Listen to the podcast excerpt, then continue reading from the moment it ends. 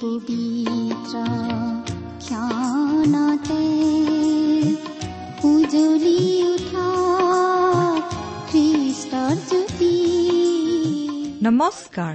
আমাৰ মৰমীয়াল প্ৰভু যীশুৰ মহান নামেৰে আপোনাক এয়া ভক্তিবচন অনুষ্ঠানলৈ আদৰিছো।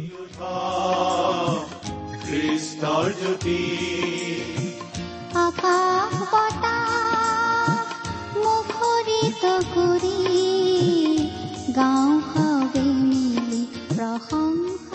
ঈশ্বৰে আপোনাক যি অসীম প্ৰেম কৰিলে তাক যদি অনুভৱ কৰিব বিচাৰে আৰু তেওঁৰ অগম্য বাক্যৰ মৌ মিঠা সোৱাদ ল'ব বিচাৰে তেন্তে আহক আজিৰ ভক্তিবচন অনুষ্ঠানটো মনোযোগেৰে শুনো। এয়া আপোনালৈ আগবঢ়াইছো ঈশ্বৰৰ জীৱন্ত বাক্যৰ অনুষ্ঠান ভক্তিবচন।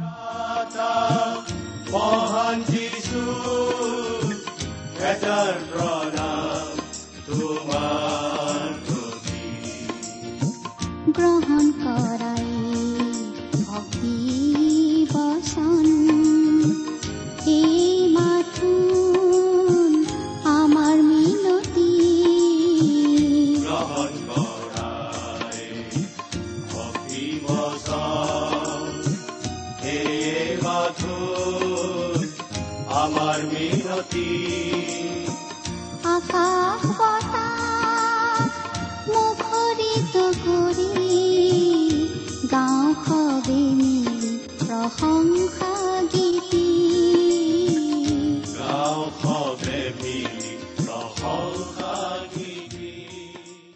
মহান ত্ৰাণকৰ্তা প্ৰভু যীশুখ্ৰীষ্টৰ নামত নমস্কাৰ প্ৰিয় শ্ৰোতা।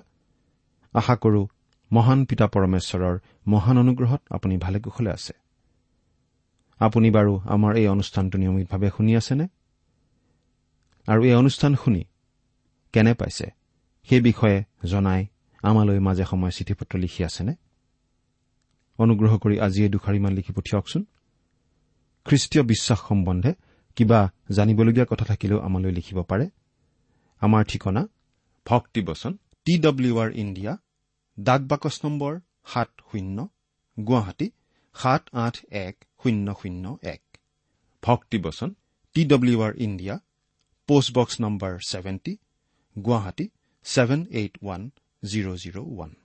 আমাৰ website W W W dot radio' eight eight two dot com. প্ৰিয় শ্ৰোতা আপুনি যে অশেষ যত্ন কৰি এই অনুষ্ঠানটো শুনিবলৈ এতিয়া সাজু হৈছে। তাৰ পৰা এইটো বুজা যায় যে আপোনাৰ আম্মিক ভোক পিয়াহ আছে। আপোনাৰ আত্মাৰ ভোক পিয়াহ আছে কাৰণ আপোনাৰ আম্মিক স্বাস্থ্য ভালে আছে।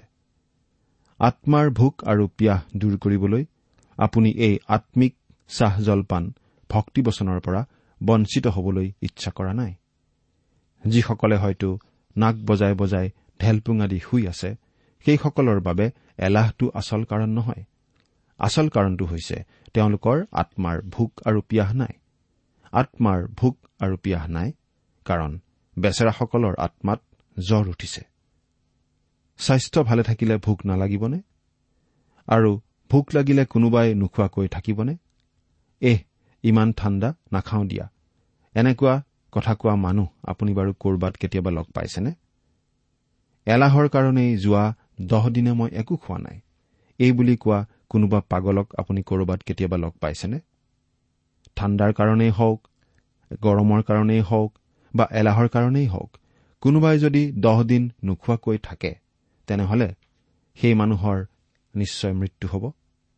তেনেকুৱা মানুহ নিশ্চয় জীয়াই নাথাকিব। জীৱনত ভাল স্বাস্থ্য আৰু ভাল স্বাস্থ্যৰ কাৰণে ভোক আৰু পিয়াহ লগা আৰু ভোক আৰু পিয়াহ লগা দেখি খোৱা বোৱা কৰাটোৱেই ডাঙৰ কথা ঘাই কথা প্ৰয়োজনীয় কথা আৰু ভাল কথা। বাইবেল অধ্যয়ন শুনি আপুনি সেই ডাঙৰ কথা ঘাই কথা প্ৰয়োজনীয় কথা আৰু ভাল কথাকেই সিদ্ধ কৰিছে। ঈশ্বৰে আপোনাক নিশ্চয় আশীৰ্বাদ কৰিব। প্ৰিয় শ্ৰোতা যদিহে আপুনি আমাৰ এই অনুষ্ঠানটো শুনি আহিছে আপুনিতো এইটো কথা জানিছেই যে আমি বৰ্তমানে বাইবেলৰ পুৰণি নিয়মৰ উবদিয়াৰ নামৰ পুস্তকখন অধ্যয়ন কৰি আছো। উবদীয়া নামৰ ভাৱবাদী এগৰাকীয়ে লিপিবদ্ধ কৰি এৰি যোৱা সৰু পুস্তকখনৰ পৰা আমি এতিয়া অধ্যয়ন কৰি আছো। একৈশটা পদেৰে যোৱা অধ্যয়নলৈকে আমি চাৰিটা পদৰ অধ্যয়ন কৰিলো। ঠিক এই অধ্যয়নটোৰ আগৰ অধ্যয়নত আমি ইডুম বা এচৌৰ অহংকাৰৰ আধাৰত। আমি অহংকাৰ পাপটোৰ বিষয়ে কিছু বিস্তৃত আৰু গভীৰভাৱে আলোচনা কৰিলো। আপোনালোকৰ বাবে সেই পাঠটো প্ৰস্তুত কৰোতে পাঠটোৰ বাণীখিনিয়ে আপোনালোকৰ এই অযোগ্য দাসৰ অন্তৰতো গভীৰ সাজ বহুৱালে। আৰু তাৰ পাছতেই অন্তৰেৰে এই প্ৰাৰ্থনা কৰিবলগীয়া হ'ল যাতে এই অযোগ্য দাসো এই অহংকাৰ নামৰ পাপটোৰ পৰা সদায় আঁতৰত থাকিব পাৰো। প্ৰিয় শ্ৰোতা আজিৰ অধ্যয়নত আমি এই উবদীয়া পুস্তকৰ পাঁচ নম্বৰ পদৰ পৰা তেৰ নম্বৰ পদলৈকে আলোচনা কৰিম। কিন্তু তাৰ আগতে আহকচোন খন্তেকৰ বাবে প্ৰাৰ্থনা কৰো হওক। সৰগনিবাসী হে সৰ্বশক্তিমান প্ৰেমময় আৰু পবিত্ৰ প্ৰভু আপোনাক ধন্যবাদ জনাওঁ। আপোনাৰ দাস উবদিয়াৰ বাবে। আপোনাক ধন্যবাদ জনাওঁ। আপোনাৰ সেইগৰাকী দাসৰ যোগেদি সকলো মানৱ জাতিলৈ আপোনাৰ জীৱনদায়ক আৰু কাৰ্যসাধক বচন দান কৰাৰ বাবে। আপোনাৰ দাসৰ জৰিয়তে আপুনি দিয়া সেই বচন আজিও অধ্যয়ন কৰোতে তাৰ যোগেদি আপুনি আমাক প্ৰচুৰভাৱে আশীৰ্বাদ কৰক। আপোনাৰ চৰণত এনে প্ৰাৰ্থনা ৰাখিছো আমাৰ ত্ৰাণকৰ্তা মৃত্যুঞ্জয় প্ৰভু যীশুখ্ৰীষ্টৰ নামত। প্ৰিয় শ্ৰোতা আপোনাৰ মনত পৰেনে বাৰু? আমি যোৱা অধ্যয়নত কি কথাৰে সামৰণি মাৰিছিলো? এগৰাকী বিখ্যাত মানুহে শিকোৱা মানুহৰ ক্ৰমবিকাশৰ ফলত উন্নত প্ৰাণীলৈ বিকাশ পোৱা বোলা তত্বটোৰ কথাৰেই নহয়নে? এই ক্ৰমবিকাশৰ তত্ব মতে মানুহ পশু বা পশুত্বৰ পৰা মানুহ বা মনুষ্যলৈ উন্নীত হ'ল। নিহ অৱস্থাৰ পৰা উচ্চ অৱস্থালৈ অধম অৱস্থাৰ পৰা উত্তম অৱস্থালৈ বান্দৰ এটাৰ পৰা মানুহ এজনলৈ মানুহে পৰিৱৰ্তন লাভ কৰিলে বুলি তেওঁলোকে শিকায়। কিন্তু মানুহৰ দৈনন্দিন জীৱনত সেইটো আচলতে কেতিয়াও পৰিলক্ষিত হোৱা নাই। কিন্তু তাৰ বিপৰীতটোহে আমি দেখিবলৈ পাওঁ। সঁচা কথা যে শিক্ষা দীক্ষা বিজ্ঞান কাৰিকৰী জ্ঞান প্ৰযুক্তিবিদ্যা আদিত মানুহে অগ্ৰসৰতাৰ মুখ দেখা পাইছে। কিন্তু সেইখিনি বিকাশেই সম্পূৰ্ণ মানুহজনৰ কাৰণে সম্পূৰ্ণ বিকাশ কেতিয়াও নহয়। কেৱল শাৰীৰিক আৰু মানসিকভাৱে উন্নতি সাধন কৰিলেই সম্পূৰ্ণ মানুহজনৰ সম্পূৰ্ণ বিকাশ ঘটিল বুলি আমি কেতিয়াও ক'ব নোৱাৰো। কাৰণ শৰীৰ প্ৰাণ আৰু আত্মাক লৈহে মানুহ এজন সম্পূৰ্ণ মানুহ হ'ব পাৰে। এই তিনিটা উপাদানৰ কোনো এটাকেই বাদ দি জগতত মানুহ এজন সম্পূৰ্ণ মানুহ হ'ব নোৱাৰে। শাৰীৰিক আৰু মানসিকভাৱে মানুহে অগ্ৰসৰতা লাভ কৰিলেও আধ্যামিকভাৱে মানুহ একেবাৰে অটল তললৈ নামি গৈছে পতিত হৈছে। যি কাৰণত মানুহ বহু ক্ষেত্ৰত পশুতকৈও অধম হৈ পৰিছে। কাৰণ আমি কৈছিলো যে পশু এটাই মদ খাই লৈ নিজৰ মৰমৰ ঘৈণীয়েকক মাৰ কিল নকৰে। পশু এটাই মিছা কথা নকয় ঠগ প্ৰবঞ্চনা নকৰে ৰাজহুৱা ধন আত্মসাত নকৰে। সিহঁতৰ কাৰণে আইন আদালত বিচাৰালয় বিচাৰক আৰক্ষী বন্দীশাল বা ফাঁচীকাঠৰ প্ৰয়োজন নহয়। এই আটাইবোৰ অধমতা আৰু মন্দতাৰহে প্ৰমাণ। আগতে কৈ আহিবৰ দৰে মানুহ কোনো কোনো ক্ষেত্ৰত বৰং পশুতকৈও অধমহে হৈছে। এইবোৰেই তাৰ প্ৰমাণ। গাহৰি এটাই মানুহ এজনৰ সৈতে খেলা আৰু নকৰিবলৈ কাণত ধৰাৰ কাহিনী এটা আছে। চিকাৰী এজনে জংঘলত গাহৰি চিকাৰ কৰাৰ আলচেৰে দুটা যতনত দুবিধ খোৱা বস্তু থৈছিল। এবিধ গোটা বস্তুৰ আৰু আনবিধ জুলীয়া। কিন্তু দুয়োবিধতেই মদ মিহলি আছিল যাতে সেইবোৰ খাই উঠাৰ পাছত গাহৰিটো মতলীয়া হৈ পলাব নোৱাৰা হয়। আৰু সেই গাহৰিটোক চিকাৰীজনে চিকাৰ ৰূপে পায়। এবাৰ এটা গাহৰিয়ে দুয়োবিধ বস্তুকেই খাই বাস্তৱিকতেই মতলীয়া হবলৈ ধৰিছিল। সি কিবা এটাৰ আশংকাত থলং পলংকৈ তাৰ পৰা যিমান সোনকালে পাৰে সিমান সোনকালে আঁতৰি গৈ সম্পূৰ্ণ বিছ ঘণ্টামান এঠাইত লুকাই আশ্ৰয় লয়। পাছত যেতিয়া পুনৰ স্বাভাৱিক অৱস্থালৈ ঘূৰি আহে তেতিয়া সি তাৰ পৰা উঠি তাৰ থকা ঠাইলৈ খোজ লওঁতে কৈছিল এইবোৰ আমি নোখোৱা গাহৰি হৈও আমি খাব নোৱাৰা মাৰাত্মক বস্তু মানুহে খায়। এইবোৰ খাই সিহঁত নষ্ট পায়। আমি জানুৱাৰ হলেও এই মানুহৰ লগত খেলা আৰু কেতিয়াও নকৰো। এই কাণত ধৰিলো। পশুতকৈও অধম মানুহৰ এই অৱস্থা কিয় বাৰু? উবদিয়াই ইডুমৰ অহংকাৰৰ আধাৰত আমাক দেখুৱাইছে যে অহংকাৰৰ কাৰণেই অহংকাৰী মানুহে ঈশ্বৰক পিঠি দিয়ে। আৰু ঈশ্বৰ বিনেই চলিব পাৰিব বুলি ঈশ্বৰহীন হৈ পৰে। আৰু সেই মানুহ উন্নত উচ্চ সুন্দৰ আৰু উত্তম মানুহলৈ বিকশিত নহৈ হয় অধোমুখী নিম্নগামী প্ৰথমতে পশুত্বলৈ আৰু তাৰ পাছত পশুৰ অৱস্থাতকৈও অধম অৱস্থালৈ। তেনেকুৱা মানুহৰ সম্পূৰ্ণ ধ্বংসৰ ছবি এটা উবদিয়াই আমাৰ আগত তুলি ধৰিছে ইডুমৰ সম্পূৰ্ণ ধ্বংসৰ কথাৰে।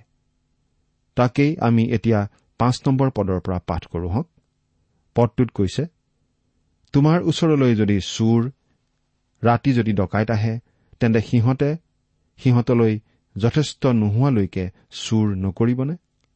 বা তোমাৰ ওচৰলৈ দ্ৰাক্ষাগুটি চপাওঁতাবিলাক আহিলে সিহঁতে কিছু দ্ৰাক্ষাগুটি এৰি নাযাবনে? ইয়াত উবদিয়াই কৈছে যে যদি নিশা চুৰ বা ডকাইত আহে তেন্তে সিহঁতে সিহঁতক লগাখিনিৰ জোখাৰেহে চুৰ বা ডকাইতি কৰি নিব। আটাইখিনি লৈ নাযাব। একে কথা দ্ৰাক্ষাগুটি চপাওঁতাসকলৰ ক্ষেত্ৰতো খাটে। সিহঁতেও অৱশিষ্টখিনি এৰি যাব। কিন্তু ঈশ্বৰে ইডুমক কৈছিল মই যেতিয়া তোমাৰ সুধবিচাৰ কৰিম তেতিয়া তোমাক সম্পূৰ্ণৰূপে ধ্বংস কৰিম অৱশিষ্ট একো নাৰাখিম। ছয় নম্বৰ পদটো চাওকচোন। আমাৰ ভাষাৰ বাইবেলত এই পদটোৰ কথাখিনিৰ অনুবাদ শুদ্ধ হোৱা নাই যেন লাগে। ইংৰাজী ভাষাৰ বাইবেলত এই পদটোৰ কথা এইদৰে আছে। এছৰ বিষয়সমূহ কেনেকৈ অনুসন্ধান কৰি পোৱা গ'ল? তেওঁৰ গোপনীয় বিষয়বোৰ কেনেকৈ বিচাৰি পোৱা গ'ল? আমি আগতেও কৈছিলো যে এই ছয় নম্বৰ পদটোৱেই উবদীয়া পুস্তকৰ মূল পদ। ইয়াৰ আন অৰ্থটো হৈছে এছৌৰ গভীৰ গোপনীয় বিষয়সমূহ কেনেকৈ ইমান মুকলিমূৰীয়া কৰি পেলোৱা হ'ল? অৰ্থাৎ কেনেকৈ এনেদৰে সকলোৰে চকুত সহজভাৱে পৰিব পৰা কৰি পেলোৱা হ'ল বাৰু? ঈশ্বৰে এছৌক অনুবীক্ষণ যন্ত্ৰৰ আগত থলে আৰু তেওঁ কলে আহা আৰু চোৱা। ঈশ্বৰৰ বচনৰ মাজেৰে চোৱা আৰু চাই এই মানুহজনক দেখা পোৱা। মই তেওঁক ঘীন কৰো। মই তেওঁক কিয় ঘীন কৰো? তেওঁৰ জীৱনৰ অহংকাৰৰ কাৰণেই মই তেওঁক ঘীন কৰো। তেওঁ মোক পিঠি দিলে আৰু তেওঁ ঘোষণা কৰিলে যে মোৰ অবিহনেও তেওঁলোকে জীৱন ধাৰণ কৰিব পাৰিব। সেইটোৱেই জীৱনকালৰ অহংকাৰ। সেই অহংকাৰৰ পৰা আমি সাৱধানে থাকিব লাগে নহয়নে প্ৰিয় শ্ৰোতা? এতিয়া অনুবীক্ষণ যন্ত্ৰৰ তলত থৈ এচৌক দেখা পাব পৰা যায়। তেওঁ এবাটি মচুৰ দাইলৰ তৰকাৰীৰ বিনিময়ত নিজৰ জ্যেষ্ঠাধিকাৰ এৰি দিছিল। তেওঁ জ্যেষ্ঠাধিকাৰ এৰি দিছিল কাৰণ তেওঁ জানিছিল যে জ্যেষ্ঠাধিকাৰ জ্যেষ্ঠাধিকাৰ কৰি থাকিলে তেওঁ ঘৰখনৰ পুৰোহিতৰ ভূমিকা পালন কৰিব লাগিব। আৰু ঘৰখনত পুৰোহিতৰ ভূমিকা গ্ৰহণ কৰা মানেই ঈশ্বৰৰ সৈতে সম্বন্ধ ৰাখিব লাগিব। খোলাখুলি কথাত এই বুলি ক'ব লাগিব যে ঈশ্বৰৰ সৈতে সম্বন্ধ ৰখাতকৈ বৰং এবাটি মচুৰ দাইলৰ তৰকাৰীকেই এচৌৱে পাবলৈ বিচাৰে। আপুনি যেতিয়া যিমানখিনিলৈ আগবাঢ়ে তেতিয়া আপুনি জানিব যে আপুনি একেবাৰে অটল তললৈকে পৰি গৈছে। তাৰ তলত পৰিবলৈ আৰু তল নাই। সেই পৰ্যায়লৈকে যদি আপুনি আগবাঢ়ে তেন্তে আপুনি ইতিমধ্যে শেষ হৈ গৈছে। কিন্তু আপোনাৰ অৱস্থাটোনো কি? চিন্তা কৰি চাওকচোন। আমি প্ৰত্যেকেই নিজৰ নিজৰ অৱস্থা এইদৰে চিন্তা কৰি চাব লাগে। সাত নম্বৰ পদ। তোমাৰে সৈতে সন্ধি স্থাপন কৰা আটাই লোকে তোমাক সীমালৈ নি বিদায় দিলে। তোমাৰে সৈতে মিলেৰে থকা মানুহবিলাকে তোমাক প্ৰবঞ্চনা কৰিলে আৰু ঘটুৱালে। তোমাৰ অন্ন ভোজন কৰোতাবিলাকে তোমাৰ তলত ফাণ্ড পাতে। ইডুমৰ একো বিবেচনা নাই। সেই কালত ইডুমৰ শত্ৰু জাতিবিলাকে ইডুমৰ ফাললৈ কেৱল চাই চায়েই ইডুম পাৰ হৈ যাবলগীয়া হৈছিল। আক্ৰমণ কৰিবলৈ মন থাকিলেও আৰু তাক পৰাজিত কৰাৰ শক্তি থাকিলেও আক্ৰমণ কৰাৰ একো লাভ দেখা নাছিল। কাৰণ এই ইডুমৰ নগৰখন আছিল পাহাৰ কিছুমানৰ মাজত পাহাৰৰ তলিৰ শিল কাটি তাৰ ভিতৰত নিৰ্মাণ কৰা এখন নগৰ পেট্ৰা নামৰ বৰ নিৰাপদ নগৰ। কিন্তু বাবিলনৰ নবুখত নেচৰ ৰজাই সেইখন নগৰৰ ভিতৰলৈ চোৰাংচোৱা পঠাবলৈ সক্ষম হৈছিল আৰু তেওঁলোকৰ জৰিয়তে সেই নগৰখন হাত কৰিবলৈ সক্ষম হৈছিল। জিৰচালেম নগৰ জয় কৰিবলৈ ঈশ্বৰে নবুখত নেজৰ ৰজাক যেনেকৈ ব্যৱহাৰ কৰিছিল একেধৰণেই ইডুম জয় কৰিবলৈকো ঈশ্বৰে তেওঁকেই ব্যৱহাৰ কৰিছিল।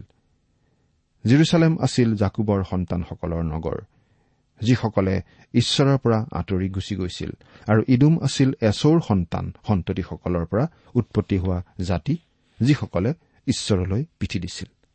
আৰু ঈশ্বৰ অবিহনেও জীৱন যাপন কৰিব পাৰিব বুলি অহংকাৰ কৰিছিল।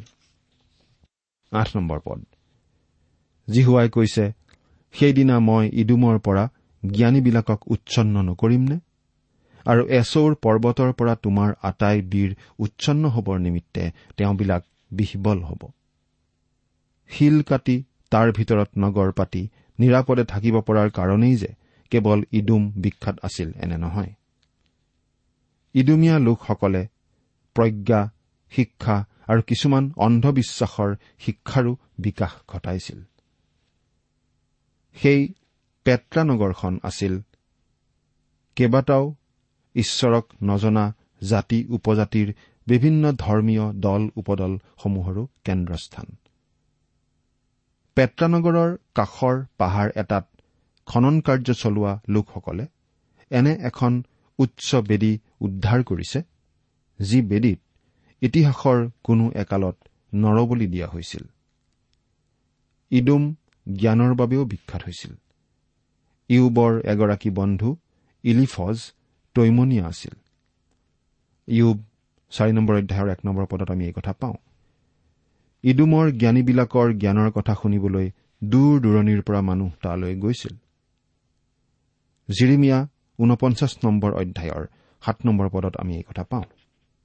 ঈশ্বৰে কৈছে যে ইডুমৰ জ্ঞানীবিলাকো তেওঁ উচ্ছন্ন কৰিব আৰু এচৌৰ পৰ্বতটোৰ পৰা তাৰ জ্ঞানো দূৰ কৰিব।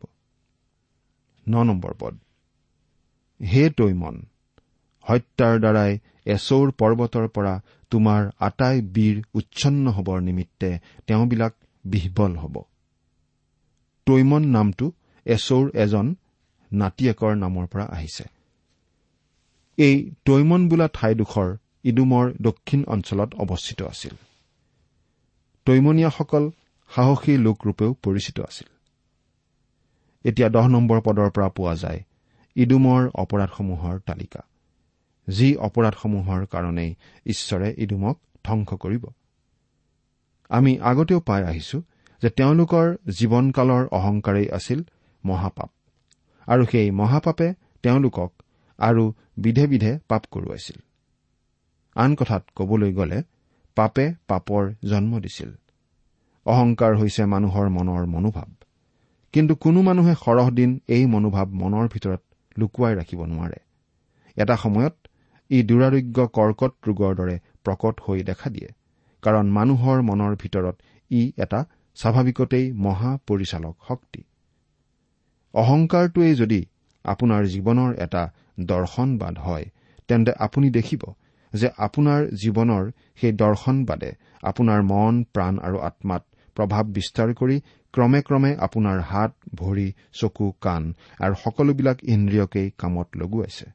আৰু শেষৰ ফাললৈ আপুনি দেখা পাব যে এই অহংকাৰ দৰ্শনবাদ বা শিক্ষাই আপোনাক ঈশ্বৰবিহীন জীৱন যাপনলৈ পৰিচালিত কৰিব ধৰিছে। সেইকাৰণে উবদিয়াই এতিয়া দেখুৱাব ইডুমৰ জীৱনকালৰ গৰ্বৰ পৰা কিবোৰ পাপৰ উৎপত্তি হৈছিল। তাৰ লগতে আমি এই কথা মনত ৰখা উচিত যে এছৌ আৰু জাকুবে মাতৃৰ গৰ্ভৰে পৰাই যুঁজ বাগৰ লাগি আহিছিল আৰু দুয়ো ককায়েক ভায়েকে এটা এটা জাতিত পৰিণত হোৱাৰ পাছতো দুই জাতিৰ মাজৰ যুঁজ বাগৰো কেতিয়াও শেষ নহল। প্ৰিয় শ্ৰোতা সেয়েহে আমি দেখা পাওঁ যে ইছৰাইলৰ কোনো বিপদ আপদ হলে ইডুমে আচলতে ভালেই পাইছিল। নাইবা ইছৰাইলৰ ওপৰত বিপদ আপদ অহাটোকে কামনা তেওঁলোকে কৰিছিল। সময়ে সময়ে তেওঁলোকে ইছৰাইলৰ অহিতে তেওঁলোকৰ হিংসা ঘৃণা প্ৰকাশ কৰি চিঞৰি উঠিছিল এইবুলি জিৰচালেমক উবাৰ কৰা উবাৰ কৰা মূললৈকে উবাৰ কৰা। গীতমালাৰ এশ সাতত্ৰিশ নম্বৰ গীতৰ সাত নম্বৰ পদ। অৰ্থাৎ বাবিলে যেতিয়া জিৰচালেম আক্ৰমণ কৰিছিল সেই সময়ত তেওঁলোকে জিৰচালেমৰ লগ লাগি শত্ৰুক প্ৰতিহত কৰাৰ পৰিৱৰ্তে নিজৰেই বংশোদ্ভৱৰ এটা জাতি ধ্বংস হোৱাৰ পক্ষলৈহে সেইদৰে চিঞৰিছিল। এইদৰে আমি দেখা পাওঁ যে ইছৰাইল আৰু ইডুমৰ মাজৰ যি সম্বন্ধ সি কেতিয়াও সুস্থ নহল। সেয়েহে আমি দহ নম্বৰ পদৰ পৰা দেখিছো তেওঁলোকৰ ক্ষেত্ৰত লোৱা ঈশ্বৰে পাঁচটা ব্যৱস্থা।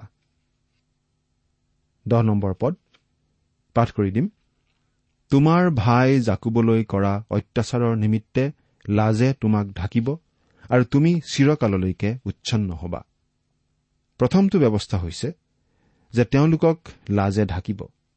আৰু লাজে তেওঁলোকক ঢাকিছিলো কাৰণ যি বাবিলে জিৰচালেম ধ্বংস কৰি ইছৰাইলৰ দক্ষিণ ৰাজ্যৰ ইছৰাইলীয়া লোকসকলৰ কিছুমানক বধ কৰি অৱশিষ্টখিনিক বন্দী কৰি দেশান্তৰলৈ লৈ গৈছিল সেই বাবিলেই তাৰ পাছত ইডুমো আক্ৰমণ কৰি তেওঁলোককো বন্দী কৰি দেশান্তৰলৈ লৈ গৈছিল। তাৰ পাছত দ্বিতীয়টো ব্যৱস্থা লোৱা দেখিছো এইদৰে। তুমি চিৰকাললৈকে উচ্ছন্ন হবা। মন কৰিবলগীয়া কথা এইটোৱেই যে আমি আজিও ইছৰাইলৰ বিষয়ে বহু কথা শুনি আছো হওক ইছৰাইল জাতি আজিও আছে। কিন্তু ইডুমৰ হলে একো নুশুনো কাৰণ ইডুম জাতিটোৰেই সঁচ ঈশ্বৰে মাৰি পেলাইছে। ঈশ্বৰ অবিহনে চলিব পাৰিব বুলি ডাংকুপ মৰা সেই ইডুম জাতিটো আজি আছে জানো? তাৰ পাছত আমি এঘাৰ নম্বৰ পদত দেখিবলৈ পাইছো যে ইছৰাইলৰ দুখৰ কালত ইডুমে ইছৰাইলৰ শত্ৰুবিলাকৰ পক্ষ লোৱা বাবে ঈশ্বৰে ইডুমক দোষী সাব্যস্ত কৰিছে। বাৰ নম্বৰ পদত আমি পাওঁ ইডুমীয়াসকলে জিহুদাৰ দুৰ্দশা দিনত কি কি কৰিব নালাগিছিল। জিহুদাৰ দুৰ্দশাৰ দিনত ইডুমে পৰম সন্তুষ্টি উপলব্ধি কৰিব নালাগিছিল। আনন্দ কৰিব নালাগিছিল আৰু ভাইৰ বিৰুদ্ধে গৰ্ব কৰি কথা ক'ব নালাগিছিল। কিন্তু ইডুমে সেই আটাইবোৰকে কৰিছিল। তাৰ পাছত তেৰ নম্বৰ পদত আমি পাওঁ যে তেওঁলোকৰ ভাইৰ দুখৰ দিনত তেওঁলোকৰ সা সম্পত্তিৰ ওপৰত হাত দিব তেওঁলোকে নালাগিছিল। কিন্তু শত্ৰুৱে যীহুদাৰ মানুহখিনিক বন্দী কৰি লৈ যোৱাৰ পাছত যিখিনি অৱশিষ্ট থাকি গৈছিল সেইখিনিকো ইডুমে লুট কৰি লৈ গৈছিল। প্ৰিয় শ্ৰোতা অহংকাৰ এনে এক মাৰাত্মক বদ অভ্যাস বদ গুণ যিয়ে মানুহক অন্ধ কৰি পেলাব পাৰে। অহংকাৰে মানুহক বহু বেয়া কাম কৰোৱাব পাৰে। তাৰে এটা হৈছে এনেদৰে লুট কৰা কামটো। প্ৰিয় শ্ৰোতা আজি মানুহৰ প্ৰধান প্ৰধান সমস্যাসমূহৰ মাজত অহংকাৰটোৱেই প্ৰধানৰো প্ৰধান সমস্যা। কাৰণ এই সমস্যাটো সমস্যা সৃষ্টিকাৰী দিয়াবল ছয়তানৰ পৰা আহিছে। অহংকাৰী নহবা তাকেই আমাক প্ৰভুৱে শিকাইছে তেওঁৰ দাস উবদিয়াৰ যোগেদি। আমি সকলোৱে এই শিক্ষা গ্ৰহণ কৰোঁ আহক। আমি মনত ৰখা উচিত যে অহংকাৰী লোকে কেতিয়াও খ্ৰীষ্টক গ্ৰহণ কৰিব নোৱাৰে। আমি নিজে নিজক উদ্ধাৰ কৰিব নোৱাৰো বুলি মানি লৈ নম্ৰভাৱে যেতিয়া আমি খ্ৰীষ্টৰ ওচৰলৈ আহোঁ তেতিয়াহে আমি তেওঁক গ্ৰহণ কৰিব পাৰোঁ। আপুনি বাৰু নম্ৰভাৱে তেওঁৰ ওচৰতেই আপোনাৰ জীৱন সমৰ্পণ কৰি দিছেনে? চিন্তা কৰি চাওকচোন। ঈশ্বৰে আপোনাক আশীৰ্বাদ কৰক। আমেন।